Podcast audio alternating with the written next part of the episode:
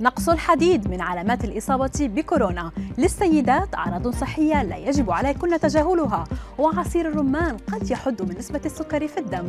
أبرز أخبار الساعات الأربع والعشرين الماضية في دقيقتين على العربية بودكاست. مع تزايد الإصابات حول العالم أكد خبراء صحيون أن المتحور الفرعي الجديد الناجم عن أوميكرون قادر على الانتشار بشكل أكبر بين الناس سواء كانوا محصنين من لقاحات أو تعافوا مؤخرا من المرض.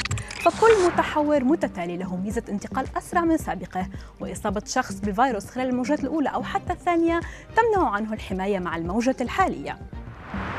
ومن أسباب انتشار السلالات الجديدة لأوميكرون قدرتها على التهرب من الأجسام المضادة وعدم قدرة اللقاحات الحالية على مواجهتها.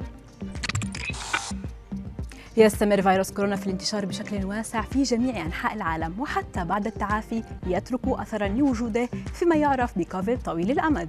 ومع ذلك يمكن أن تكون هناك علامة فسيولوجية أخرى على انتقال الفيروس عبر جسم الإنسان بما في ذلك نقص الحديد. ويحتاج الجسم إلى الحديد لصنع خلايا الدم الحمراء التي تستخدم لنقل الأكسجين في جميع أنحاء الجسم. ونقص الحديد هو حالة معقدة تحدث عندما يفتقر الجسم إلى مستويات الحديد الكافية ما يحد من أداء الوظائف الحيوية ويشكل العديد من المخاطر الصحية.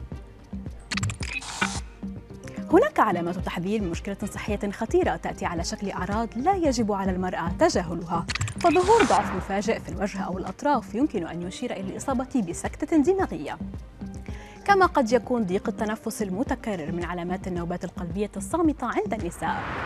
وإذا ظهرت فجأة صعوبة في الرؤية أو تم ملاحظة عدم وضوح الرؤية في إحدى العينين أو كلتيهما فربما تكون علامة على الإصابة بسكتة دماغية أيضا. كما يمكن أن يكون الشخير أو النعاس المفرط علامة على المعاناة من حالة توقف عن التنفس والتي قد تؤدي إلى مشاكل في القلب والأوعية الدموية وزيادة في الوزن. يعد السكري من النوع الثاني حالة مزمنة ناجمة عن ضعف إنتاج الأنسولين حيث يكافح الجسم لإنتاج ما يكفيه من هذا الهرمون الحيوي والحفاظ على معدله في الدم. لكن نظامك الغذائي يمكن أن يساعدك في التحكم في مستويات السكر في الدم ومن المشروبات اللذيذة التي يمكن أن تساعد في ذلك عصير الرمان. فالمكونات الموجودة في عصير الرمان من المحتمل أن تنظم عملية التمثيل الغذائي للجلوكوز عند البشر وتقلل مقاومة الأنسولين لدى المصابين بداء السكري من النوع الثاني.